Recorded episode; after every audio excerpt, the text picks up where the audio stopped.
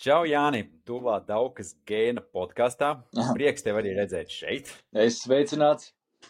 Bet klausies, es tā uzreiz sākšu. Nu, redzi, latviešiem baigi pieticīgais tas, tas gēns ir to patiesībā. Jo es tev arī, tad, kad uzrunāju Facebookā, ko tu man uzrakstīji? Nu, ja, kā tu man teici, to tu pateikšu. Uh, ja vien tu mani par tādu ceļotāju uzskati, ka es tev varētu uz podkāstu nākt. Klausies, tu man liekas, vis viens no tiem ceļotājiem Latvijas lielajiem, kurš nu, ir darījis ārkārtīgi trakas dūles un patiešām lielas avantūras un piedzīvojumus. Cik reizes tu pasaulē apbrauc ar moci apkārt, esi uz tevi jukna un eh, vēl nezinu kas, un Eirāzijai apkārt pāri un nu, rīktīgi daudz. Un te tu tik pieticīgi pasaki. Kāpēc? Kur tā pieticība ir?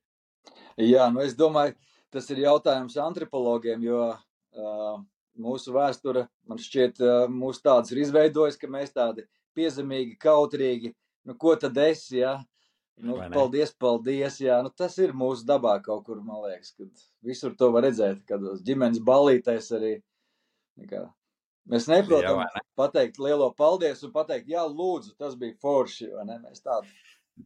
Zini, kā man, man sieva ir norvēģieta, un viņa ir teikusi, ka norvēģiem kategoriski tu nedrīksti sevi celt tādā slavas gaismiņā, vai tur, tur paslavēt sevi, ka tev jābūt tai pelēkajai masai. Mums tur tomēr, man liekas, kaut kur no tiem skandināviem arī tas nāk līdzi, un redz, kā mēs darām daudz lietas, sevišķi, un paskaties uz Latvijas, latviešiem pasaulē, jau vēsturiski no lielajiem piedzīvojumiem cilvēkiem, kur tik nav aizdarī- aizklīduši un ko tik nav sadarījuši, bet vienalga mēs sevi tā.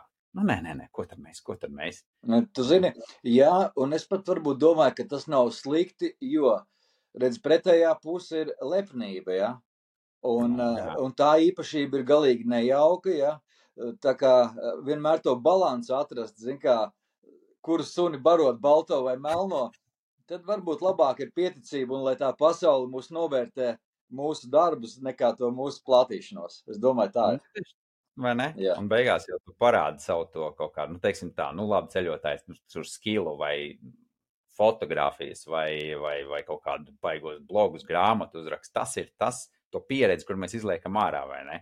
Beigās tu to pieredzi uzkrājas un tad dalies. No tā jau cilvēki novērties, cik tu liels pečuks esi. Jā, un tā vēl viena lieta, ko esmu ievērojis, redz, mēs dalāmies latviešu valodā pārsvarā. Visi mēs, kas ceļojam, kas uh, Instagramojam, visu, ko darām, tas notiek latviešu. Un, attiecīgi, nu, salīdzinoši mazai pasaules publikai. Tomēr tās mūsu lietas ir daudz lielākas, un, ja tas būtu angliski, piemēram, jā, tad tā slava iet pa priekšu daudz ātrāk visā pasaulē. Arī. Jā, jā, jā, bet man, nu, Latvijā, nu, paskaties vienalga, mēs esam divi miljoni, teiksim tā, rupi runājot. Un tā procentuāli, nu, izdarījušā mēs daudz lietas pasaulē tādā ceļojuma mērogā. Ļoti daudz uz pasaules mēroga fona. Nu, paskaties, Dombrovskis ar slēpēm, uh, skrituļu slēpēm nomauts, ja no Aļaskas līdz Meksikai, apsties Kārlīts uh, okeāno ceļo pāri, ja. jā. Džeki ar močiem rauj, uh, zinu, kad pārgājienu kalnu Himalaju trailā tur mūsējie nogāja, nu, Everests un tā tālāk var uzskaitīt.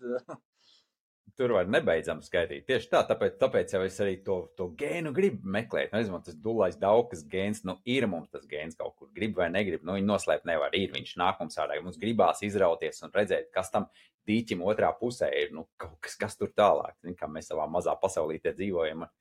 Vajag to, to, to, to horizontu paplašināt, vai ne?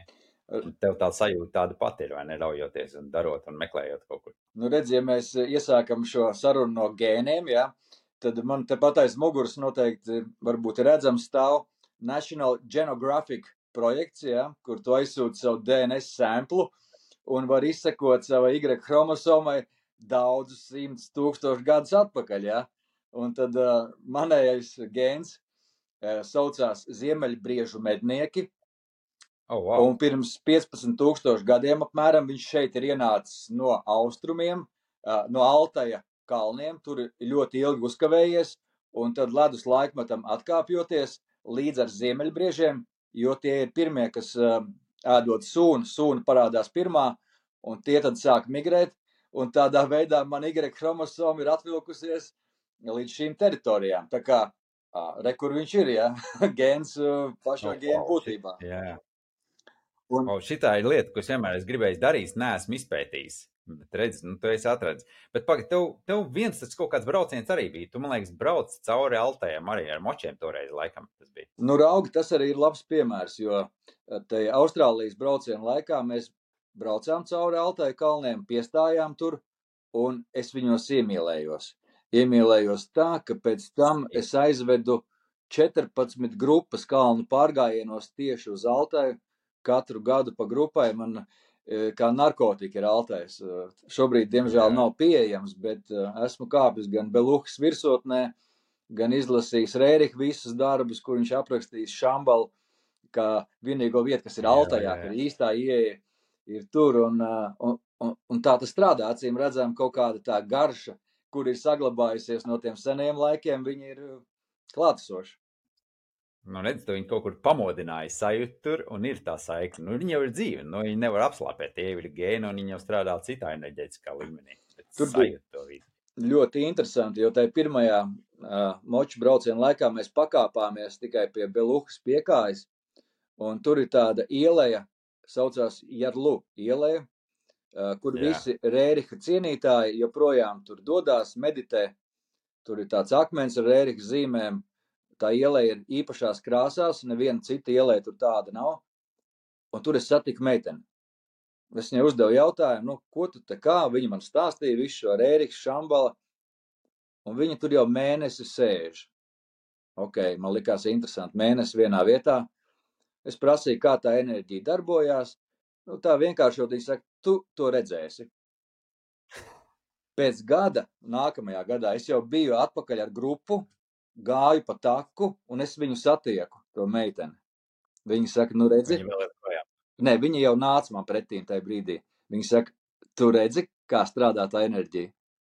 Jā. Nav tā tas notika. Ei, zini, šito es ļoti labi saprotu. Man ir līdzīgi. Man ir līdzīgi tikai man ir ar Meksiku. Tieši tā pats sajūta, ka es tur, nu, es, nu 15, cik man te ir vairāk, gan 17 gadi, ko es uz Meksiku braucu, es dzīvoju tur, un tā saikne no pirmās reizes aizbraucu bija tas, wow! Kas tas ir? Sākumā grūti nolasīt, un nesapratu to enerģiju. Arī mēģināju šķetināt sev un saprotu, ka tā ir vide, tā ir vide, kas ar mani runā. Un tā varbūt arī tā mana chromosoma, kas no turienes nāk kaut kādā saiknē, kaut kādā veidā. Tas būtu rītīgi interesanti uztaisīt tavējo DNS testu un galīgi nebrīnīsimies, ka tās takas ir tādas. Jā. Šito es tiešām izdarīšu. To es nebiju. Es visu laiku esmu gribējis, bet kaut kur vien plauktiņā ir nolikts. Kaut kad, kaut kad, bet tiešām labi doma. Tiešām izdarīšu. Bet, eh, nu, kur tu sāki, ar ko tu sāki, kur tu sajūti to saikni, kaut kādu vilinājumu pēc piedzīvojumiem vai pēc eh, šīm te avantūrām? Uh, Tas mans stāsts, es pat uh, skolniekiem lekcijās stāstu, um, kā tas notiek. Stāsts ir par ieklausīšanos un paļaušanos tādā savā dziļajā balsī. Jo lielāko to jaunības mūža daļas bija motosportists. Totāli 25 gadu motokrosā un Jā. neviena naktis pie ugunskura teltī līdz pat kādiem 20, nezinu, 8 gadiem. Oh, wow. Attiecīgi, nebija ne ģimenes tādas pieredzes, autora, nekā tam līdzīga, kas man varētu likt doties dabā. Un tad beidzās tā karjera, motokrosista, un tad tu paliec pie tādiem ļoti atvērtiem vārtiem. Jā, ko darīt šeit dzīvē tālāk? Jo objektīvi tavs uh, virziens it kā ir iezīmēts. No sporta akadēmija, sporta skolotājs, no, I mean, nu, kas vēl tu vari būt? Tu esi pusmūžu Ne? daudzījis galvu, nogaršojis visas Latvijas grunts paraugus vai nesalauzis visu iespējamo. Nu, Fizmats diez vai no tevis sanāks, Džekiņ, vai ne? Jā, jā. Un, uh, un tad bija tas gads, divi, tā sajūta ieklausīties sevi, un, un bija milzīgs aicinājums doties uz Jukonu. Un es nezinu, kāpēc, varbūt Džeka Londona kaut kādi stāsti no agrīnās bērnības. Varbūt, es nezinu, kas tas tāds. Bet bija milzīga vajadzība doties Jukona, Klondaika, Zelts, uh, suņi, laivas. Bija kaut kāda iztēlota pasaule, kā tas viss būs. Bet nebija ne zināšanu, uh, ne naudas, uh, ne ceļošanas pieredzes, nu vispār nekā nebija. Labi, tad pagaidi, tev pārtraukšu reizi, un tad man jautājums. Nu, redz, tev tikko noskaidroji, tev pilnīgi nekāda pieredze. Un tā ir Jukona. Uz turieni brauc rītīgie spečuki. Tur Raimis Dombrovskis brauc, tur Olta brauc, tur, tur kas tur vēl video bija, vai ne? Un, nu, rītīgais sastāvs, visi ir rītīgie spečuki, ir outdoor un, un, un jau zina, kā dzīvot teltī, un tu nereiz neesi bijis. Kāpēc viņi ņēma tev līdzi, kāpēc tu vispār parakstījies kaut ko tādu? Nu, pirmkārt, tāpēc, ka es viņus ņēmu līdzi, jo tā bija mana ideja. o, nopietni? Jā. Uh, otrs, ka viņiem jau tomēr arī īsti nebija tās pieredzes. Tas ir 2002. gads. Jā. Un Mārcis bija uzfilmējis pirmo savu makšķerēšanas raidījumu tikai vai otro. Un arī bijām zaļi gurķi visi patiesībā. Un, nu labi, tur gaujas upe ar kanūlu laivu vienreiz. Raimim vienīgajam bija reāla pieredze ar kanūlu laivām, jā. jā, tas reāli. Bet pārējiem arī īsti nebija nekā. Bet, zināmā mērā, ja tev ir mērķis, tu jau ļoti ātri ej uz priekšu. Ja? Es kļuvu par mednieku, es aktīvi nomedīju gadu, es sāku nu, mācīties, iet outdoorā. Tu jau tad sāki. Tā kā gatavojies tam. Precīzi tā, jā, jā. Un, uh, un tad tas sapnis notiek, jā, tā, tā komanda arī uzvācās. Kā, es gāju ar šo utopisko ideju, tad man iepazīstināja Rolti, ka tas varētu būt tas filmētājs. Ok, tad mēs jā. varam pārdot televīzijai, varbūt to seriālu. Un tad kāds parādīja mums Raimīti, ka viņš zina kaut ko par Ameriku. Un tā uzvācās tā komanda, principā uz tādas tikai idejas, idejas bāzītes. Vai ne? Nu, principā tā ir, nu, pilnīgi balstoties uz ideju, savācās beidzot viens no leģendārākajiem piedzīvojumiem, tādu latviešu piedzīvojumu. Nu jā, es domāju, ka Es domāju, ka mēs savu kultu kaut kādu ieviesām, ceļošanu ar laivām, dzīvošanu, jo Latvijā pēc tam ļoti strauji izplatījās, ka šādi te kaut arī par to pašu Latviju ir eh, jāceļo uz vairākām dienām.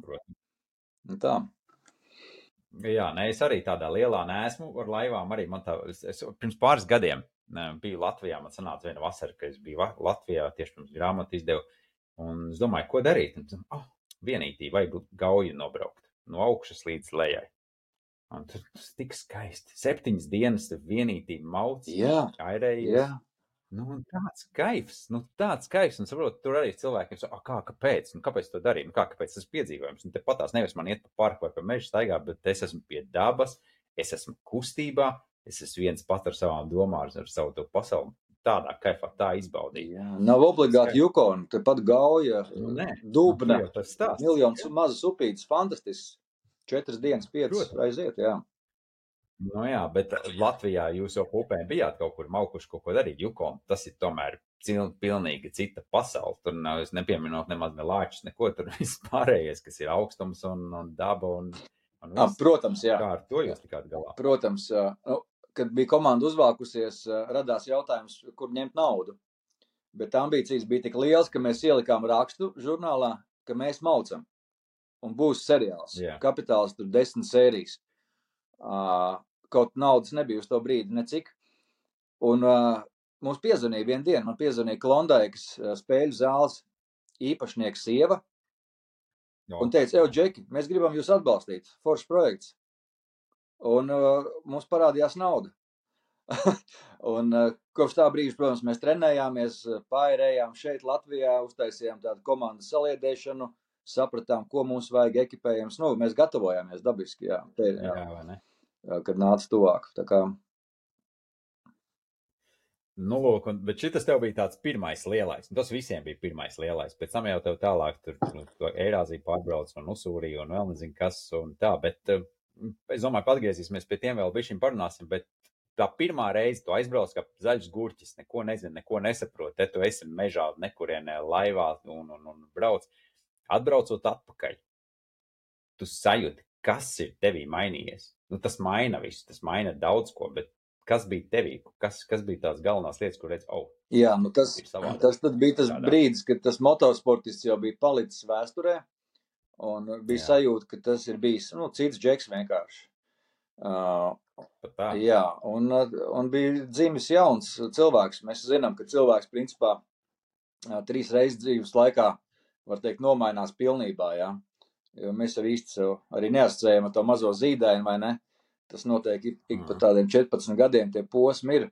Un, ja tā paņem, tad tieši apmēram ap to posmu arī bija jāmainās paradigmai, vērtībām, mērķiem, un, un, protams, tas virziens kardināli nomainījās, un profesija nomainījās, es sāku veidot savus televīzijas raidījumus par dabu, par medībām, radio raidījumus, Latvijas radio divi.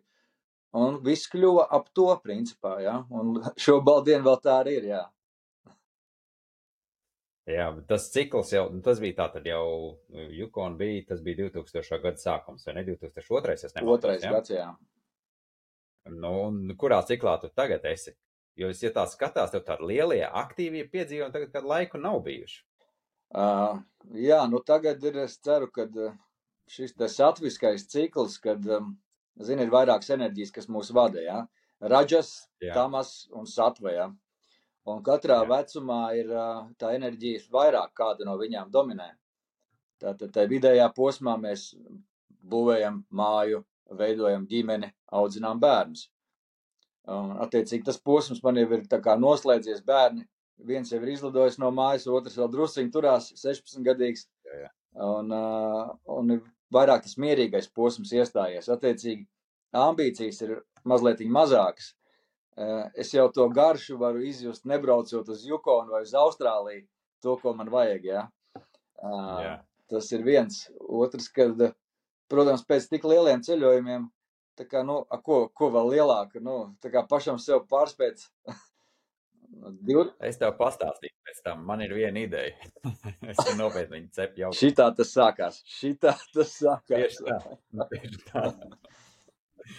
Jā, jā, jā. jo- Bet, zini, kā man liekas, nu, redz, jā, tu saki, tu arī, nu, tu brauc, tu to skilu uzkačāji sev. Nu, tev ir skills, tu tagad ir outdoor speciālists, tad izdzīvošana un tas viss. Un te, ko mēs sākumā runājam, tagad ir tas laiks, tātad, ka tu vari to nest cilvēkiem un stāstīt, mācīt un izglītot citus, lai viņiem ar tas tā pieredze ir un to darīt. Un tieši to jau tu, man liekas, arī diezgan nopietni nodarbojies Latvijā. Tur jau tā lieta, ka iepriekšējā periodā mēs uzvācam zināšanas, pieredzi, un tagad ir laiks viņu nodot. Un uh, es strādāju gan ar, ar jauniešu grupām, uh, gan uh, dažādi semināriņi, protams, caur raidījumiem arī viss vēstījums tiek atdots. Ja? Un tas process arī ir fantastisks. Attiecīgi, nav mērķi vairāk uzkrāt un nesties pasaulē, obligāti izzināt, kaut ko iemācīties, jo tā savā sfērā pieredze ir gūta. Un, un ļoti liels gandarījums, tāpēc, ka tā enerģija, ko atdod tie jaunieši atpakaļ, vai tie cilvēki, tu viņiem esi iemācījis, tikko ar močiem mācīja braukt ceļus, un tad kādreiz kādā mežā un ir pasākumi. Nu, tā ir cita enerģija, arī ļoti patīkama. Jā, jā, jā. Nu, Latvijas meža tur jau ir pateicīgi. Tur jau var darīt, gan ir, vienamais, ir sezonas, protams. Ir augsts, ir ziema, ir vasara, ir lietus, ir upes, ir ezeri, ir viss kaut kas. tā kā Tur, tur var tiešām izpausties. Un, bet kas ir tā tava vide, kur tu jūties vislabāk? Ārpus komforta. zona? Es runāju par dabu tieši. Uh, Kur es jūtos vislabāk? Nu, svarīgi ir tie elementi, protams, jā. Ugunskurs, uh, laba kompānija. Uh, Man tā ir izveidojies, ka lielāko daļu dzīves laika protams, pavadu noscīt šaurā vidē, vai ne, kur ir izveidojusies, kur ir labi draugi, līdzīgi domājošie. Un šorīt no rīta bija aizbraucis meitu aizvest uz skolu un iebrauc pie savu biedra, uh, arī zemesarga, padzērām tējiņu stundiņu pie kamīna, pafilozofējām.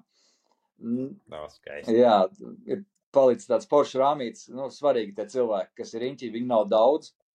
Vairāk, jo šajā vecumā es skaidri zinu, ar ko tu gribi tikties un ar ko negribi. Jā. Vai- Ne? Attiecīgi, jā, es domāju, ugunskurs, uguns un, un cilvēki apkārt. Tas ir svarīgais brīdis, lai būtu forši. Jo tu jau arī brauc vienmēr tie piedzīvojumi tev ir kopā ar kaut ko. Ar močiem jau ir braucot, man liekas, mazākā grupa tev bija laikam divi tā jūs braucat, Jā. vai ne? Uz Vai- Austrāliju divi tā. Uz Austrāliju, ja nemaldos. Jā, bet tu parasti tev ir kompānija. Tu vienīgi īsti neesi nekur kaut kādos piedzīvojumos klīdis, vazājies, kaut ko darījis. Ja par mocu runā, tad pārsvarā es neesmu braucis nekad kompānijās. Divnieks ir, ā, var teikt, lielākais. Un uh, tagad es mācīju divu dienu apmācību enduro braucējiem. Un uh, mēs trenējāmies trasē, un tad bija jāpārbrauc uz to nakšņošanas vietu. Un man bija jāvada tā kolonna no 20 močiem.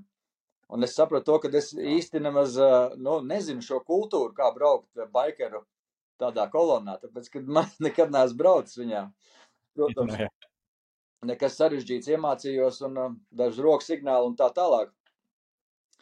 Bet vienīgi, jā, es agrāk praktizēju tādu praksi, kad aizbraukt mežā uz trijām dienām, bez gadgetiem, bez nekā. Nu, ideāli būtu arī. Tepat Latvijā? Jā, jā, jā. jā, jā. Jo principā pēc tās trešās dienas notiek baigās transformācijas. Nu, tādi, nu, tarakāni visi atnāk obligāti ciemos, visi neatbildētie jautājumi obligāti piezvana, un tu ne, nav, nav kur likties, tāpēc, ka tu esi vienā vietā, tev īsti nav ko darīt, vienīgais ir ugunskurs un ūdeni uzvārīt, un uh, tad tas atbildes ļoti vērtīgs, kuras, kuras atnāk Tas redz, tie, tie tūli jau baigi, baigi daudz ir, kā līdz tam nonākt, vai ne? Tu pasies Āzijā, sēž, sēž mūks savā templī un meditē, un um, tās pašas atbildes, tie paši jautājumi, ko mēs sēžam mežā, vienīgi tie ir ugunskur. Vai tu aizējies, nezinu, nu vienalga, kaut vai Santiago ceļu ej viens pats, 30 dienas, tu ej, tev ir viena misija un doma, tuk, tuk, tuk, tuk, tur tieši tas pats kaldi. Bet man liekas, ir svarīgi vienalga, kā, bet atrast to, ka tu esi ar sevi, ar savām domām, ar savu to pasauli, un tu, tu to starkāns padzināji pa laikam ne? Jā, jā, tas ir itīgi svarīgi, jo tu zini, ir trīs jautājumi, uz kuriem jārod atbildi šajā dzīvē. Nav pastāst. Kas es esmu, kur es esmu un priekš kam es esmu? Oh, ja ir atbildes šiem jautājumiem, tad pārējais viss saliekās kopā diezgan vienkārši. Protams, atbildes var Jā, būt dažādas katram, zin kā, un tad... cik, cik sen tu atradi atbildes uz jautājumiem? Emocionāli tā bija Jukona jau 2002. gadā, kad tas iekšējais cilvēks tevī norezonē un saka, jā, nu šis ir īstais ceļš. Bet, protams, tehniski tās atbildes uh, noformulēt var tikai uh, izmantojot zināšanas. Nu, ir jāpieņem kāds skolotājs un ir jāpieņem zināšanas, lai to noformulētu. Jo ir divi veidi, mēs varam empiriski taustīt un daudz ko saprast, bet tad, lai noformulētu, mums dažkārt nu, dzīves nepietiek, vai ne? Kas tas tāds ir, vai ne? Un tad ir forši, kad empiriskais iet kopā ar zināšanām, un tad um, vieglāk saprast, kas tas tāds bija, kas tas notikās, jā. Jā, jā. Nē, ir, tāpēc ir jau svarīgi, arī, ja blakus ir tas skolotājs vai meistars vai sauciņ, kā tu gribi, vai guru, kas tev to ceļu arī parāda, pastāsta un tev bišķiņu uzliek un iedod pa pakaļ, ka tas ir vajadzīgs. Vai vienalga, tas var tiešām, vai tā būtu kaut kāda meditācijas skola, vienalga kaut kur templī, vai tu sēdi savā mežā un bliez kaut kur ceļojumā, piedzīvojumā, kur tu tīries un, un no jauna nomet tās čaulus nost, un tu esi tas, kas tu esi. Bet, eh, nu, katram tas savs ceļš, vai nekā to atrast. Tev vajadzēja līdz Jukonai. Kā tu zināt, ar močiem braukt, nekad tu nebūtu iedomājies, ka tas būtu tavs ceļš bet līdz tam kaut kā tev salikās viss, ka tu sajūti, ka tev ir jāiet uz turieni.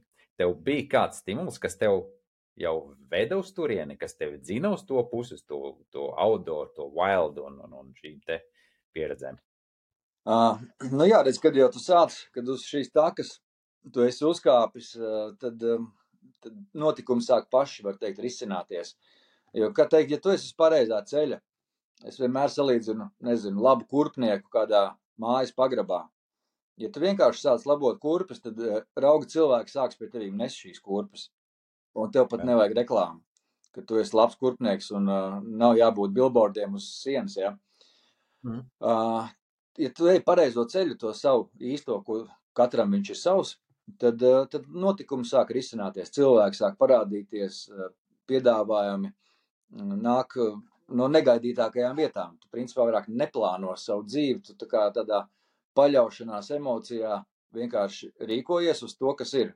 Bieži vien, protams, nezinot, kas tev sagaida rītdiena, un uh, tā ir tā izaicinošākā lieta sākumā, jo, redz, mūsu skolā iemāca, kad tad, tad izmācies, dabūn profesiju, dabūn darbu, tad tev būs alga, un tad tu būsi laimīgs, jā.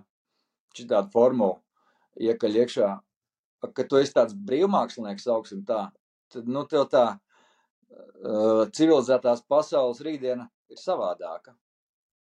Protams, tagad ar gadiem es esmu sapratis, ka tik cik man pienākās, tik man atnāk visādos veidos un formās. Ne vairāk un ne mazāk. Bet, uh, Bet tas jau visticamāk ir tāpēc, ka tu esi atbildējis tiem saviem trijiem jautājumiem, tu esi atradis. Bet daudzi jau tajā laikā vēl nav atraduši, viņi jau meklējās. Un tad tu bieži atrod nepareizās atbildes. un noklīst kaut kur apmaldies. Nu, skaties, mūs jau ietekmē visu laiku. Baigs svarīgs tas mērķis, kur tam mēs gribam iet. Bet uh, jau skolā, jau vecāki, jau skolotāji, sabiedrība jau sāk bišķiņ tos tavus mērķus virzīt nost. Tāpēc, kad sabiedrībai ir pavisam citi mērķi un uh, plāni uz tevīm, uz to tavu ķermeni, kā, kā tevi eksploatēt, ieslēgt rūpnīcā pie galda un lai tu tur darbojies. Jā, jā. Un tāpēc, um, jā, ja nav tie vecāki vai nav tas skolotājs, kurš uh, sastopās dzīves posmā, šis te savu aicinājumu meklējums, protams, ka ir, nu, sarežģīts un izaicinošs. Un es nesen vadīju vienu semināru, nu, tādiem augsta līmeņa speciālistiem savā sfērā. Jā. Un es palūdzu pacelt roku, kurš no jums ir atradis savu aicinājumu. No 40 cilvēkiem tikai viena roka pacēlās. Oh, Kaut wow. gan viņi bija Spēcīgi. visi veiksmīgā uzņēmumā un uh, labos amatos un, uh, un, un tā. Tāpēc šis te jautājums, es domāju, ka lielākajai daļai ir uh, aktuāls vienmēr. Tā gan Jā. piekrīt, piekrīt. Tā ir. Redz par to izglītību arī. Domāju, nu, tev arī tur sākumā ar močiem brauci. Un tad vienā brīdī, kā teici, tu to puiku atstāji malā, visi aizbrauc tagad tur veldā. Pēc tam tu saprati, ka patiesībā tu tās divas lietas var apvienot, vai ne? Tā viņš sanāca, jā. Tu skāp atkal uz moča un bliez apkārt pasaulē. Kas ir, man liekas, wow, izcili. Un, uh, Un tas, ir, tas jau ir tas, kā tu tas, tās vērtības izmanto. Tos tūlus, kas tev ir doti, tie viņš izmanto un var likt lietā. nu, principā tā arī sanāca, jo Andris Pikāns, uh, kurbat vadītājs, ar kuru mēs arī braucām uz Austrāliju divītī, nu, viņš mani uzrunāja, jo bija mani saticis hokejā, mēs spēlējām hoķi kopā. Viņš ļoti labi zināja manus motocrossa sasniegumus. Attiecīgi, viņš saprata, ka ar maniem varētu braukt tālā ceļā, jo nu, riepu nomainīt un tā, tādas lietas. Uh, es Jā. varēšu palīdzēt. Tad viņš zināja manu Jukonas pieredzi, kas nozīmē, ka mēs varēsim ar močiem gulēt nezināmās vietās un normāli izdzīvot. Un tā arī bija. Viņš man uzmai, uzaicināja doties līdzi šajā braucienā. Es filmēju, es arī biju kā apmaksāts cilvēks. Faktiski es nu, darīju savu darbu un vienlaicīgi arī, protams, realizēju savu sapni apbraukt, apbraukt apkārt zemeslodē. Nu, nu, tā redz viņš strādā, ka tu ej to savu ceļu. Jā. Jā, jā, tas ir tas fantastisks. Un redz, saliekās visas lietas, un, un, un piedzīvojums ir fantastisks. Un tas bija kurš gads? Tas bija 2006. 2006. Pa, kur, pa kurien jūs braucāt cauri, cik valstīm, kur sanāca? Jā, tad kopējais maršruts ir aptuveni 36,000 km uz Austrāliju. Attiecīgi, apkārt uh, ekvatoram ir 36,000, un tad mēs viņu rēķinām kā apkārt zemeslodē. Un mūsu maršruts veda cauri Krievijai, Kazahstānai, Mongolijai, un tad ejam uz Mhm. leju. Tur Ķīnā, Laos, Kambodža, Taizem, Malaizija, Indonēzija, un no Indonēzijas uz Austrālijas ziemeļiem, un tad cauri visai Austrālijai līdz Melburnai. Pieci mēneši mums tas aizņēma. Mm. Protams, tur ir ļoti daudz stāstu, piedzīvojumu, emociju, jo, kā tu saproti, piecus mēnešus nu, tu kaut ko plāno. Tāpēc, kad nu, vīzas attiecīgi soli pa solim ir kaut kādos rāmjos jāieliekās. Un, uh, interesantākais bija laikam tas, ka mūsu filmu Latvijas televīzija sāka rādīt ar tādu mēnešu nobīdi. Ja? Tā Jā. laikā, ja iedomājies, mēs filmējām uz DV kasetēm. Tas nozīmē, ka man jau trešajā mēnesī vajadzēja stipri iespringt, uh, visas kasetes smuki aprakstīt. Ja? Tad ielikt DHL un tad atsūtīt uz Latviju. Tam bija jānotiek īstā laikā, tas nevarēja tur nokavēties. Ne. Jā, jā, un tad tam režisoram, Sandrs Jūra, tad viņam bija jāsaprot, ko es esmu domājis, kur man tā emocionāli no desmit kasetēm, kur ir svarīgākais, kur nav svarīgākais. Jo viņš montēja Latvijā, un tas gāja teļu, kā, kamēr mēs vēl braucām. Tā kā tas bija ļoti izaicinoši, ļoti interesanti un nu, daudz sarežģītāk nekā šodien, kad tu vari pie interneta pārmest materiālus un tur failiem vai kur, un viegli izdarāms. Tas bija tāds. Mm, Jā, bet zini, ar ko es vilkšu te paralēli? Tas ir, nu kā, tajā laikā tur nebija Instagram, Facebook, TikToks, vienalga kas. Un, respektīvi, tā dalīšanās sociālajos tīklos nebija tādā līmenī, kā tā ir tagad. Jā. Tagad lielajiem ceļotājiem arī tieši tas pats. Viņš grib ielikt savu vidi, grib ielikt savu rīlu, postiņu kaut kur un padalīties, bet tu aktīvi ceļo. Un, ja tu to sāc darīt daudz, tas baigi daudz laika paņem nos no tava ceļojuma, lai tu baudītu ceļojumu. Tev ir kaut kāds uzdevums, tur padalīties, pastāstīt, kas notiek, kas notiek. No, un daudz ceļotāju, ko dara, to arī liek ar nobīdi. Izbrauc ceļojumu, pēc tam pēc kaut kādas nedēļas viss lēni apsēžās, viss sagrāmato. Un, jo savādāk tas kļūst par tādu baigot darbu. Nu, un es te klausos, tev ir baigā līdzība, ka nu, arī nu, tev bija jāfilmē, visu laiku jādomā par to, bet tu varēji atslēgties, vai tev visu laiku tomēr bija tas, tas, tas darba uzdevums, ka tev ir tagad, tagad jānodod un kā. Vai nebūtu bijis vērtāk tā, ka izbrauc visu to ceļojumu, izkaifo, saraksta visu un tad vēlāk atbrauc uz Latviju, apsēžos ar režisoru Sandru un sarakstat visu filmu. Tā būtu bijis vieglāk, viennozīmīgi, no vienas puses. No otras puses, vispār tā filmēšana uh, iedeva milzīgu jēgu tam braucienam. Mm. Uh, kā piemēru izstāstīšu, šī brauciena laikā Lausā mēs sastapām pārīti no Holandas. Iedomājies, viņi jauni cilvēki, apprecējušies. Uh, pārdeva visu Holandē, nopirka Defenderi. Viņiem bija diezgan prāvs naudas žūksnīts, lai ceļotu varbūt desmit gadus asketiski. Yeah. Un tas jau bija otrais gads, kad viņi bija apbraukājuši teju visu pasauli. Un zini, kāda bija viņa atziņa? Nav jēgas. Nav jēgas. Nav jēgas. Jo Nu, tu esi viskaistākajā vietā uz pasaules, ar vismīļāko cilvēku. Nedēļu, divas, trīs, četras. A cik vēl? A ko tālāk? A ko piekto nedēļu? Cilvēkam ir vajadzīga jēga viņa darbībai, lai nu, tā darbība būtu sabiedrībai noderīga kaut kā. Un ā, viņu gadienā viņi Jā. atrada darbu sarkanajā krustā un rakstīja man pēc tam, viņi bija bezgalīgi laimīgi. Viņiem bija darbs, neapmaksāts, bet viņiem bija lieta, kur viņi dabūja to enerģiju atpakaļ. Paldies, kaut kāds um, uh, miedarbība. Mūsu gadienā, jā. ja mēs nefilmētu, ja mēs vienkārši brauktu, nu, kāpēc? Tāpēc, ka tavs ego saka, ka tu gribi aizbraukt uz Austrāliju. Uh, būtu ļoti sarežģīti psiholoģiski, man liekas. Ja tu filmē, tu saproti, ka uh, tu mēģini iedziļināties, pirmkārt, tu meklē stāstus, tavs prāts ir mazliet nodarbināts, uh, tad ir tā disciplīnas jautājums, un tad beigu beigās būs filma, kura raugi kalpo vēl šodien, ja, 2023. gadā cilvēki viņu skatās, iedvesmojās, mācās, uzzina daudz nianses. Tā filma jau, es palieku vecāks, filma nepaliek vecāka, ja. Jā. Un tas ir kaut kas, kas ir palicis pārvērtīgs no tā visa. Savādāk būtu tā divu egoistu foršs brauciens. Nu, protams, atziņas priekš sevīm, ja, bet a, ko tad vairāk? Zini, kā man liekas, tā ir. Tu pilnīgi pareizi, pilnīgi sev piekrīti. Un arī par to pārīt. Nu, skaisti. Tā ir. Jo es domāju, ja tu sāc ceļot, tad full-time, pilna laika ceļotājs, tev visu laiku ceļo un ceļo, ceļo, un tev tiešām nav tas mērķis konkrēts, tur kaut kāda misija braucies ceļojumos, tad jau tā ir tava ikdiena. Un kas ir ikdiena? Tā ir rutīna. Nu, rutīna jau nogalina jebko, to mēs zinām ļoti labi. Un tad vienalga, vai tu atrodies Laosā, Bangladešā, vai Peru, vai, vai Kanādā. Vienalga, kur, bet tur tev būs eh, nu, tas momentiņš, un to mēs neviens negribam. Ne? Nu, protams, mēs taču tik ātri lieta, kā tik ātri pierodam pie kaut kādas garšas, laba ēdiena. Nu, nezinu, paņem savu mīļāko ēdienu, un, un cik tu viņu var apēst? Divas porcijas, trīs, četras Mm. dienas pēc kārtas, un viss viņš vairāk nav mīļākais. Jā, jā, jā. Bet tu arī tu daudz bijis tajā pašā, labi, nu, no šitā paša ceļojuma. Pacelsim ārā.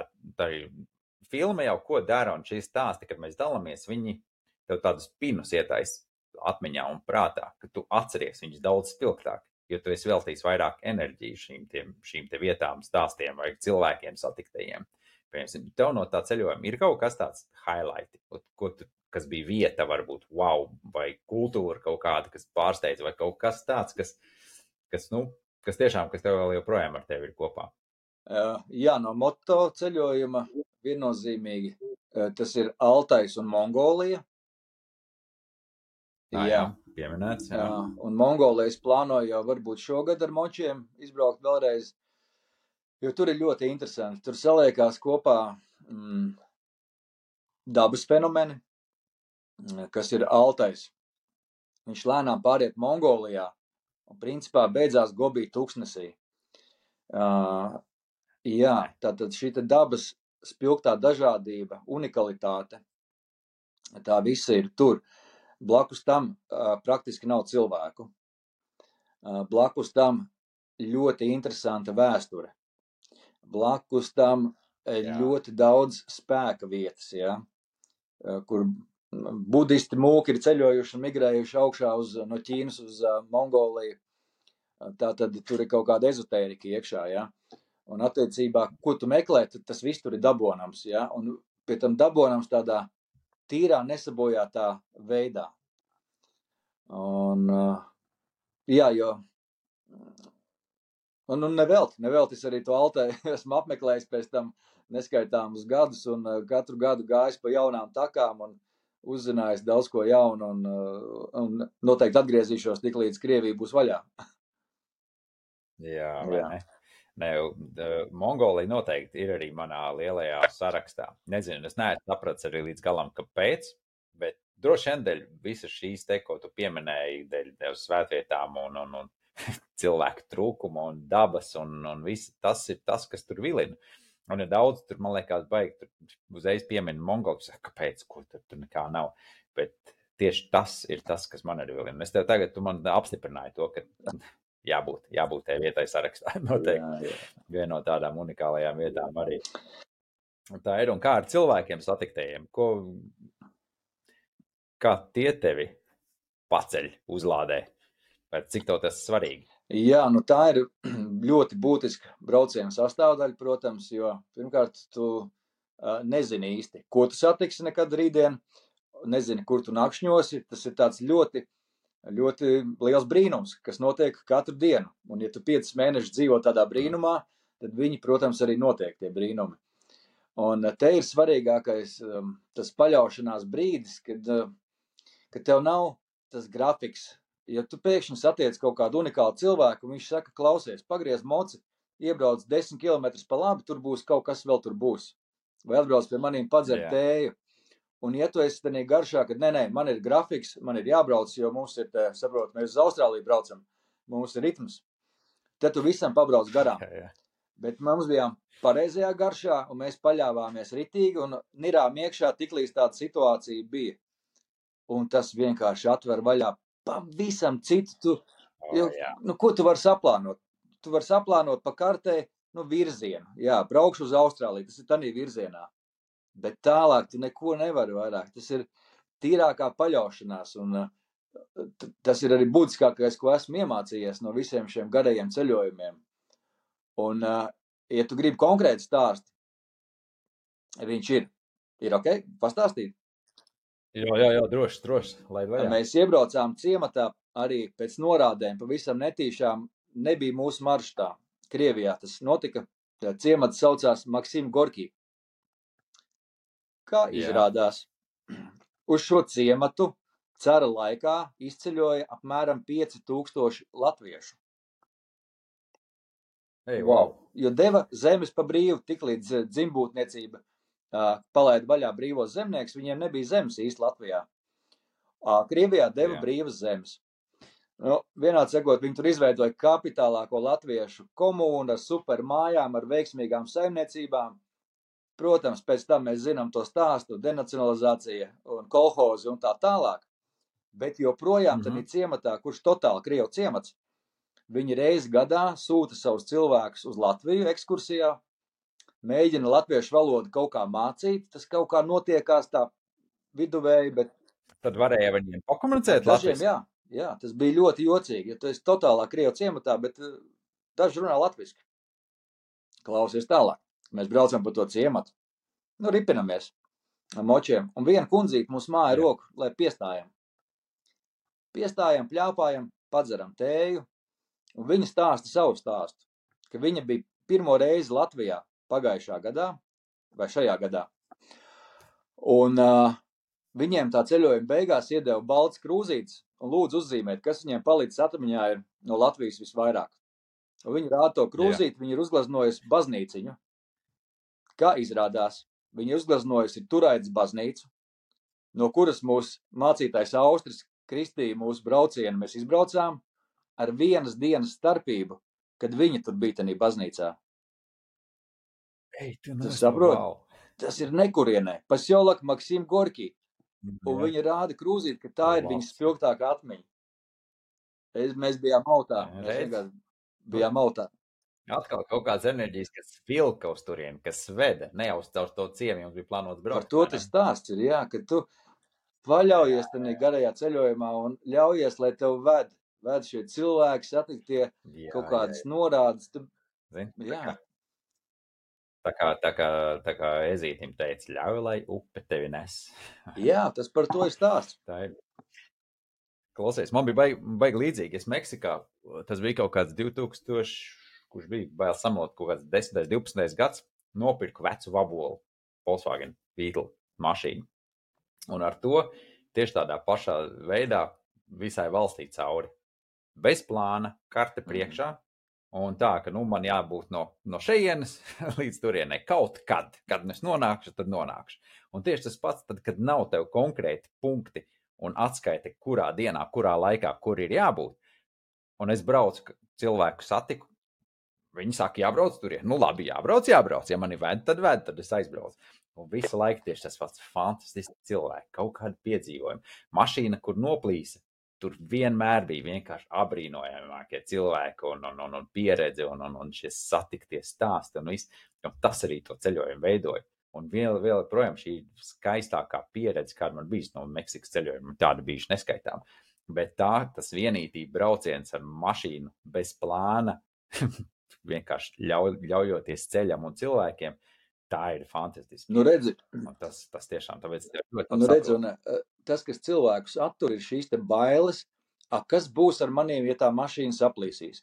A, kas būs, ja man mocim riepa pārsprāgs gobī tūkstnesī?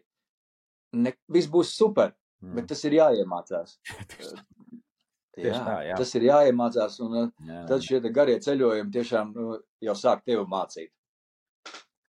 Tieši tā, jā, jā, un, jā un tur nevar stresot, tur nevar tur pārdzīvot un domāt, kas būtu, ja būtu. Tad, kad būs, tad domās, un tad tur risinās tā lieta. Nu, un, eh, jo te jau tas šādi ceļojumi, tu pats arī tur, nu, tur noteikti varēs piekrist, ka tie arī tev parāda un iemāca par to, cik labi un atvērti cilvēki ir pasaulē. Lielākoties. Un, ja tu brauc ar atvērtu sirdi un dvēseli, tieši tā, viņi jau tev nāk.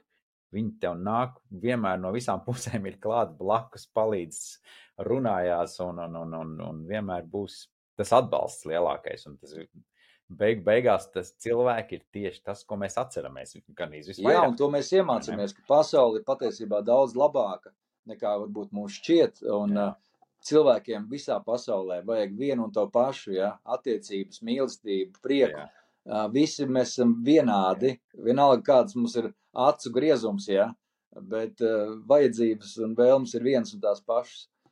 Un man bija labs brauciens ar sievu. Mēs braucām pa Indiju vairākus tūkstošus kilometrus ar vecu Enfieldu, Royal Enfield mocu. Un viņš Jā. lūza regulāri. Ja?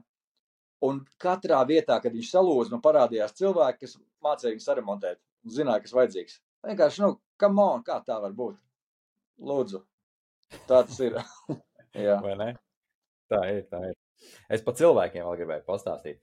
Es eh, 16. gadā Brazīlijā dzīvoju, un Līgo svētki nāk. Un es atceros, ka ir tāda tā latviešu kopiena vārpa Brazīlijā. misionāri, jā, Nu, es no tiem laikiem vēl. jā, jā, domāju, jābrauc pie viņiem. Jā, jābrauc pie viņiem. Aizbrauc pie viņiem Jāņu svinēt. Klausies, vieni no vistradicionālākajiem Jāņiem, kādas es esmu svinējis.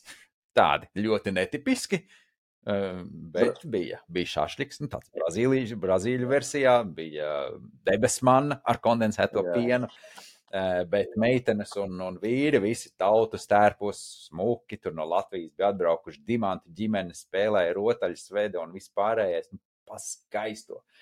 Un tur arī cilvēkiem daļa runā latviešu, un daļa tāda meitenīte ar blondām bizītēm, baltām. Nu, tāda Mhm. lienīte, latviešu tradicionālā lienīte. Es viņai kaut ko tur prasu latviešu. Viņa ne, nerunāja latviešu. Bet viņai tur paudzēs, ir latvieši, viss tur ir. Viņi tur viss. Tā komūna joprojām turās tur Brazīlijā, jā? Ļoti, ļoti spēcīga. Viņa ir ļoti spēcīga. Viņa tur mācās braukt, viņi pa laikam tur brauc kāds uz Latviju, kaut ko darās. Bet es beigās satusēju ar tādiem opiem. Nu, virs 60 gadiem visiem. Un viņiem uh, baigi interesanti man runāt. Bija visi latviešu runā, bet tādā latviešu perfektā, ulmaņa laika latviešu valodā. Ideālā. Mm. Ļoti labi. Skaisti, jā. Pareizā un viss tad, jā, skaisti. Tiešām interesanti. Un uh, visi viņi dzimuši Brazīlijā, nereizi nav bijuši Latvijā. Un tas bija tā, ka ideāli latviešu valoda nekad neesmu bijis Latvijā. Nu, tā, ka, wow. Un tā, tā, tā pasaule pēkšņi sagriezās savādāk, un tie ieraudzīja, ka, nu, lai arī kāda mēs tā Latvija esam, mēs tur turamies, bet tu redz, ka kaut kur otrā krastā ir cilvēki, kas pateikt, wow, Latvija, mēs esam Latvija, mēs te jāņus uztaisam, pasies visu tradicionāli, un tāds, tāds sirdsprieks, tāds dzīves prieks tajos svētkos bija fantastiski pieredze. Interesanti, ka te var vērot, kā tā latviešu valoda evolucionē. Ka tur jā, viņa ir saglabājusies tāda tīra, kas ir faktiski 20. gadsimta sākuma latviešu valoda. Ja? Un Latvijā jau viņa ir jā. pamainījusies tik spēcīgi. Ja? Vienkārši nu, vienas dzīves laikā tu vari redzēt, kā tas notiekās. Jā, jā. Viņiem, viņi, viņi teica, ka viņiem vecāki bija kādreiz tie pirmie misionāriem aizbraukuši. Tas vēl bija 19. gadsimta mhm. beigās. Un tad viņi ir dzimuši skoliņas, bērnu dārzus, tur uz vietas, tad nu, ģimenēs viņi runā latviešu valodās, un tāpēc tā valoda tiek saglabāta. Bet tāpat tur tie jaunieši, ko es teicu, tā lienīte, ko es teicu, nu, viņa nerunā. Nu, tur viņiem baigi nav vajadzīgi, lai viņi apzinās to savu saikni ar Latviju, bet baigi viņiem tas vairāk nav vajadzīgs. Bet uh, es skatos, tur Facebookā ir grupiņa viņiem, un tur aktīvi visu laiku, visos svētkos apsveic, tur ņemās, darās, viss, kas baigs skaisti. Prieks, prieks, un tiešām aizbraukt un šīs te komunijas atrast pasaulē, ka ir tādas kaut kur. A, kur tu pats tagad sēdi? No kurienes ieraksts? Es Spānijā dzīvoju, es Spānijā mm. tagad nobāzējos. Es 15 gadus uh, klīdu vienītī apkārt, līdz man sašņorēja sievu bērnu ģimene, un tagad Spānijā. Kurā dzīvoju. galā? Bet, nu, uh, starp Alicanti un Valenciju pa vidu. Ah. Es rudenī iebraukšu pie teviem ciemos. Mēs ar sievu taisamies ar rooftop tentu, teltiņu, višķiņ paceļot pa mežonīgiem Spānijas ceļiem oktobrī. Jā, un tu man padod, no oktobrī es būšu gan Meksikā. Ah. Tur jau es esmu projām. Tas ir mans ražas lauks, tad es braucu atkal uz Meksiku. Man ir lielie ceļojumi, tad ir Gvatemala, man ir Gvatemalas džungļos, ved cilvēks iekšā. Tā kā tur būs inčīgas lietas arī. Bet, uh, jebkurā laikā dod ziņu, un uh, tepat tās jau es arī esmu. Mm -hmm. okay. no, kaut ko jau tālāk. Jā, uh, kas mums vēl? Oi, tie jautājumi tik daudz, tagad es skatos, nevienu jautājumu neesmu no grāmatas tev uzdevis. Kaut kur runājām bez tiem jautājumiem pēc tagad lekt iekšā ar jautājumu arī izbeigts. Kas tev pašam, ko tu vari pastāstīt? Kas tev kāds iespējas, kaut te, mēs runājām par, par Jukonu, mēs runājām par močiem uz uh, Austrāliju, bet kas vēl ir tāds, varbūt, ko tu gribi izcelt, kas bija tāds wow pieredze? Āfrikā esi bijis vai Latīņamerikā? Kā tev ar tām pieredzēm? Āfrikā es esmu bijis vairāk kārt, jā, pa lejas galu Zimbabve, ļoti interesanta pieredze. Un, un tās puse, Bet uh, Latvija Amerika ir interesanti. Nu, tāpēc, tas ir, protams, uh, tik skaists kontinents, kad uh, emocionāli gribās ļoti. Tāpat laikā viņš ir tik neaptverams, ka es saprotu, ka uh, nu, tur nepietiek ar pāris nedēļām. Nu, nav ko jēga sākt. Jā, Un kaut kā tie ceļi nav aizveduši uz to virzienu. Nu, attiecīgi, varbūt vai nu vēl nav laiks, vai ne, ne šajā dzīvē. uh, Jā, jā visam, visam savs laiks, viss saliekās, kā, kā tam jābūt, ka būs. Jā. Bet vilinājums ir. Bet, kā jau pirms tam minēju, tā tu apsēdies vēl tā, ka atmet plinti krūmos, neesi tā, ka galīgi tu gribi rauties un darīt kaut ko vēl pasaulē. Jā. Kāda liela aventūra aizgatavs vēl pievienot. Jā, jā, jābūt tādam skaistam mērķim, un tagad, protams, ir ļoti izaicinoši, jo video tehnika, skaņas tehnika, komunikācija, tas ir kļūst tik ērti, tik foršas lietas var uztaisīt, jā, un parādīt kad, kad nu, protams, gribās kaut ko tādu skaistu, bet kuram ir kaut kāds jau virsmērķis, ka, nu, kāpēc to darīt. Jo tas meklējums, sevis meklējums ir tā kā noticies, jā. Uh, tad varbūt jādara kaut kas, kas būtu sabiedrībai noderīgāks uh, pēc šī projekta. Tāda tā garš ir, jo šobrīd jau tepat Latvijā var atrast tās trīs dienas vai cik, kur padzīvoties, kur pabūt. Un, un, protams, mans Jā. pēdējais atklājums laikam ir Indija, ja tā man pa īstam jāsaka, jā. Nu, jau pēdējos piecus gadus es katru ziemu tur dodos, es jau tur esmu motociklu nopircis, man viņš tur stāv uz vietas. Un uh, kultūra, cilvēki, dažādība, virtuve, uh, Himalaji, divi okeāni, džungļi, lūdzu, kalni, lūdzu. Vienā cikot, viss, kas Vai ir? Jā, es tev saprotu. jā, tur ir pilnīgi viss, un, un tā kultūra man liekas ļoti patīkama, ļoti fundamentāla vērtības, kā viņi audzina joprojām savu ģimenes. Un, un, un tas ir viss simpātiski, jā, tāpēc mēs katru ziemu dodamies turp, īsākā vai garākā. Es arī vedu cilvēkus kalnos, bijām pagājušo rudeni arī Gangas upes ledāja aizgājām tuvu Jā. pieciem tūkstošiem. Bet tā līdz Kašmiram, līdz tai pusē nē. Raģistāna arī bija šai ziemā. Tas gluži ne Jā. Kašmira, bet tuvu Kašmirai. Raģistānas štatu izbrauc. Tā kā, jā, laikam es teiktu, Indija ir šobrīd mans tāds uh, destination galamērķis, kur, kur attīstīties, meklēt, rakt. Tā kā tev Meksika, es domāju. Jā. Vai ne? Jā, jā, ļoti labi. Bet tev ir kaut kas tāds mērķis, ko tu esi nospraudis, ko tu gribētu vēl izdarīt. Vai nu tur tā pašā, vai nu Latvijā, tur skolām ar, ar bērniem, vai zemesardzē, vai lielie ceļojumi, kaut kāds, ko tu gribi sasniegt. Kas ir tas, kas nospraudis? tev? Zemesardzē es jau pēdējos septiņus gadus apmēram veltu daudz laika. Tas ir tas sabiedriskais aspekts, jā, tur man ir līdz pat 70 dienām gadā. Normāli, O, normāli karojam. Uh, bet Jo man liekas, tas zemesardze, man liekas, ja, labo man, ja es kļūdos, bet vai nebija 20 dienas tas standarts? 20 dienas tas ir, gadā, ko ja? sagaida no vidēji no zemesarga. Tas ir ļoti ok. Jā. Bet, protams, ja ir vēlme un lūsta var vairāk, un mēs tur maucam krietni vairāk. Uh, no tuvākajiem projektiem, tas, ko mēs šobrīd ar Latvijas pirmo kanālu runājam, varētu būt uh, moču ceļojums tieši pa Indiju. 20 sērijas, divas sezonas, jo, redz, Indija, eh, viena Indijas gals ir jāfilmē janvārī mūsējā, ja? un tad otrs gals ir jāfilmē Ā, jā. kaut kad vasarā, ja? Himalaya gals, ja? Jā, jā, tur ir kā divas sezonas sanāk, vai ne, bet gribētos viņus pa štatiem taisīt, iedziļinoties tieši katra štata īpatnībās, specifikā, kultūrā, valodā, ā, virtuvē, tādu plāniņu mēs te kā tas varētu būt tāds izglītojošs projekts, protams, ar garšīm, tādu motociklu, kāda jau viņi ir. Jā, ļoti labs.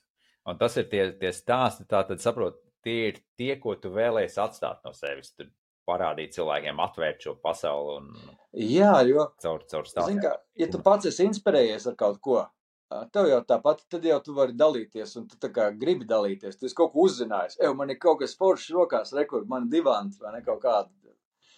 Un, un ar to ir jādalās, jā, jo noteikti, ka citiem arī tas patiksies. Viņi varbūt vienkārši nav vēl pie tā pienākuši. Jā, pilnīgi piekrītu. Man ir ļoti līdzīgi, jo es arī, man liekas, zinu, kā sākumā, tā, kad tu vienīgi tik klīsti, tad tev liekas, viss ir ok, viss ir super un nevajag, bet tev krājās, krājās, nu gribās dalīties, tāpēc, ka tev ir tik daudz tās informācijas, ir emocijas, ir stāsti, ir pieredze, un viņai ir kaut kur jāiet. Ir, ir vajadzīgs tas patērētājs. Vai nu vienalga, citam ir tie draugi, mājas, tur ģimene, ar ko tu tur stāst, dalies, vai tie ir kādi, kam tu, kam tu vari iedot to vērtīgu informāciju, ko tu vari izglītot. Un kam citam varbūt tas tiešām tu parādīt to filmu, to stāstu, vienalga kāds, bet jebkuram mums, kā ceļotājiem, man liekas, ir ļoti svarīgi. Un tā ir sava veida atbildība, man liekas, arī ir mums jādalās, mums ir jāstāsta, ir jāizglīto cilvēki, kāds ir kultūras, kāda ir pasaule, kas ir, kas mēs nevaram tā turēt pie sevis. Tikai nē, šito te redzēju, nevienam neteikšu, kur tur braukt. Tur bija tik skaists ūdens, ka nevienam es nestāstīšu katru reizi. Nu, Man liekas, iedomājies, tā- ja rakstniekiem aizliegtu rakstīt, jā, vai dzēniekiem aizliegtu dzējot, nu tas ir tas pats. Jā, mēs esam ceļotāji, nu mums ir jādalās ar savām zināšanām un iespējām. Jā. Precīzi Mhm. tā, jā. Tieši tā, m, klausies, tu, tu arī Latvijā vadīji kaut kādas izdzīvošanas skoliņu, te vai kaut kas bija tāds. Jā, jā, mums ir tāda kursiņa, jā. Mm -hmm. Ā, Tur mēs aicinām cilvēkus vienkārši apgūt foršas pamatlietas, ā, kā orientēties kartē, kā strādāt ar kompasu, kā pārvietoties, kā forši iekurt uguni, kā komfortabli pārlaist naktī. Jā. Viņš nav gluži Mhm. par izdzīvošanu, viņš vairāk par sadzīvošanu, lai cilvēkiem būtu ērti, patīkami pašiem plānot savus maršrutus, lai nokāptu no takām, Jā. ā, jo Latvija dod visas iespējas vienkārši izdomāt savu maršrutu pašam, izplānot, bet drusciņ zināšanas ir vajadzīgs, lai justos tā kā drošāk. Un tam mums ir tāda, Nu, jā, bet apmaldīties ir jāmāk Latvijā. oi, cilvēki apmaldās, mums taču katru gadu ar helikopteru meklē Jā. sēņotājs, tas ir regulāri. Jā, jā. Bet ir, jā, tas liekas, kā, bet nu var, bet var, var. Tomēr tie meži ir plaši un lieli. jā. Tā gan. Lūk, tā kā, jā, jā, jā. Virzieni daudz un dažādi. Katrā ziņā mums uh, ir jāiedod tiem jauniem cilvēkiem, kur tikai veidojās un kur meklē to savu aicinājumu, dažādas grāmatas. Man liekas, vajadzētu tādu minimums grāmatu sarakstu uztaisīt vai filmu, ko iedod jaunam cilvēkam. Šito noskaties. Nu, par dažādām tēmām, jā. Jā. Ceļotāja starter kits. Jā, tur pa ceļošanu, tur varbūt pa vēsturi, par kvantu fiziku, pa visām lietām. Un tad viņš noskatās un viņš saprot, kas viņu uzrunā no šī virziena. Jā, Nā, tādā veidā, jā, jā. jā.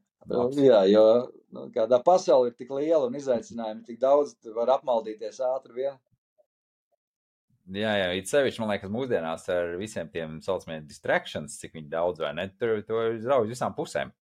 Un eh, es kaut kad satiku, bet sen jau tas bija, kaut kāds gadus 15, 20 atpakaļ, eh, vienu Japāņu ceļotāju. Japāņu jauns čels, viņš nu patās bija pabeidzis, eh, man liekas, vidusskolu. Un viņš teica, mēs tā visi. Mēs pabeidzam vidusskolu, paņem bankā kredītu uz gadu, un pa gadu tu ceļo apkārt. Jo es nezinu, ko es gribu darīt. Un tā es klīstu apkārt, skatos, mācos, runāju cilvēkiem, un es atrodu savu aicinājumu. Braukšu atpakaļ, un tad es visu studēju, mācos, daru, un viss. Bet es esmu izdarījis lietas, kaut ko. Es esmu paceļojis, es esmu bijis ar sevi, un viss arī labs tas, tas, tas veids, kā, kā atrast, kas tevi aicina, kas, ko tu gribi būt. Tu Ļoti darīt, labs veids, un uh, līdzīgi es satiku daudz izrēļu jauniešus, jo viņi arī pabeidz vidusskolu.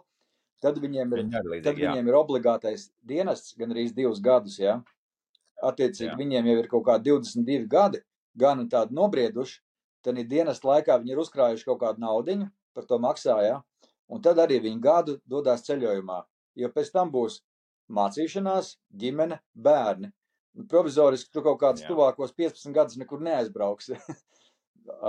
Plus Mhm. saprast, ko es gribu šeit pasaulē darīt. Man liekas, ka ļoti Jā. veselīga ideja. ir. Tieši tā, un ceļš pasaule tagad tik ļoti mainās, to var darīt. Jebkur tev, nā- tu neesi te piesaistīts vietai, tu vari attālināt darīt un darīt jebko, bet, nu, ja nav aicinājums, nebūs arī Jā, rezultāts. un te paldies Covidam jāsaka, jo Covid iemācīja, ka var darīt darbu attālināt. Var. Tieši tā, tieši tā, tas gan. Labi, Jāni, noslēgsim lēnām. Eh, Bet man uz beigām ir arī trīs jautājumi tev sagatavot, lai varētu tā noslēgt skaisti. Jā. Un uh, būs jautājums, un tad arī viens jautājums ir no iepriekšējā mana podkāstu viesa. Tātad sākšu ar pirmo jautājumu, kas ir principā kāda atziņa vai iedvesma, kas mums ļauj ceļot, kas tev ļauj ceļot. Kas ir tas, ko tu esi iemācījies sajūtas pasaulē savos ceļojumos? Uh, noteikti šī paļaušanās sajūta, kad ir kaut kāds lielāks spēks par mums, kas mūs ved, jebkurā ceļā, un uh, viņš ir tas, kas pieskata mūs un uh, ved pareizi. Jebkurā ceļā būs bedres, uh, būs taisons priekšā, kas iedos pa purnu, bet arī būs risinājums noteikti. Ka šo paļaušanās garšu vajag, kā teikt, viņi jātrenē. ir. Viņi katrā ir iekšā, bet viņi ir jātrenē. Tātad paļaušanās. Super. Tas gan ļoti, ļoti labi. Uh, otrais jautājums man šoreiz ir diezgan līdzīgs, ir, bet tu jau te atbildēji arī, bet savādāk pateikšu, varbūt nofrāzēt savādāk. Kā, kā ceļojot, atvērties pasaulē un nebaidīties no šīm sarežģījumiem un pārbaudījumiem, kas ceļojot var mūs pārsteigt. Uh, nu, pirmkārt, jau pieņem to, ka obligāti pārsteigs. Ja? Uh, apzināties to, ka vienmēr ir no situācijas vismaz trīs risinājumi, kā tikt ārā no viņas. Ja? Bet uh, pats galvenais ir doties ceļā. Ja tu neizvilksies no mājām ārā, vienalga uz trīs dienīt Latvijā vai Norvēģijā vai jebkur, tad uh, viss paliks Jā. Tikai, kā teikt, sapņos un blociņā. Ir jāiet ārā. Tikai planši. Jā. Tikai planši. Tieši tā. Tas ir par to loterijas biļeti, vai ne? Atkal, es pieminu, nu, ka nu, tu gribi, visi grib vinēt loteriju, un neviens nepērk biļeti. Jā. Te arī, nu, gribi ceļot, ceļot, nu, nopērc to lidojumu biļeti vai vienalga ko, vai Jā. vienkārši izēj ārā uz mežu, nu, re, kur tavs ceļojums. Jā, jā, jā. Ideāli. Labs. Un uh, pēdējais jautājums, ko uzdeva uh, Juris un Ance Zinkevičs, kas man pagājušais bija viesi.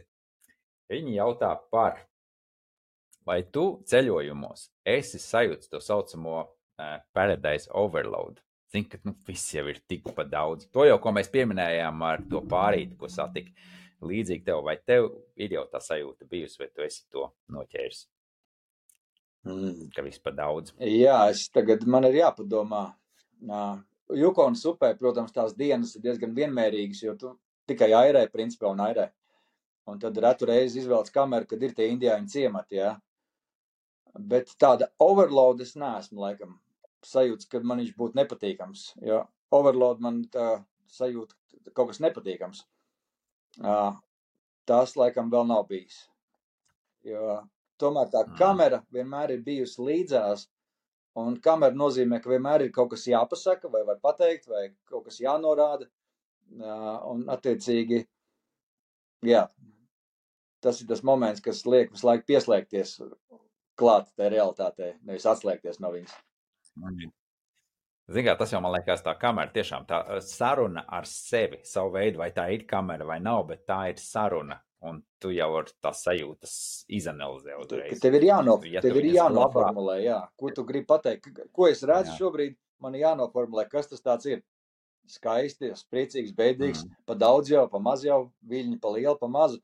Un, kad tu formulē, tad viņš arī kaut kā saliekās. Jā. Jā, jā. Labs, labs. Nu, klausies, varbūt tev ir kāds jautājums, ko tu vari uzdot arī nākošam ceļotājam. jā, man ir. Vai nākošais ceļotājs, ar ko tu runāsi, ir atradis savu aicinājumu? Jā, Un, ja jā, labs, tad kāds viņš ir? labs. Šīs dienas tēma mums bija tieši aicinājums, vai Jā. ne? Un re, kur ir arī jautājumi. Ideāli. Super. Ļoti labi. Uz šī arī tad noslēgsim. Jā. Paldies, tev, Jāni, ka atradi laiku un kā parunājamies. Tiešām ļoti liels prieks. Un, eh, Paldies, paldies. ka un Es ceru, ka tu man aizvilksi uz Latviju, Ameriku. Tūlīt mēs par to parunāsim aizkadrā. Čau Labi, visiem, jā. paldies. Čau, čau.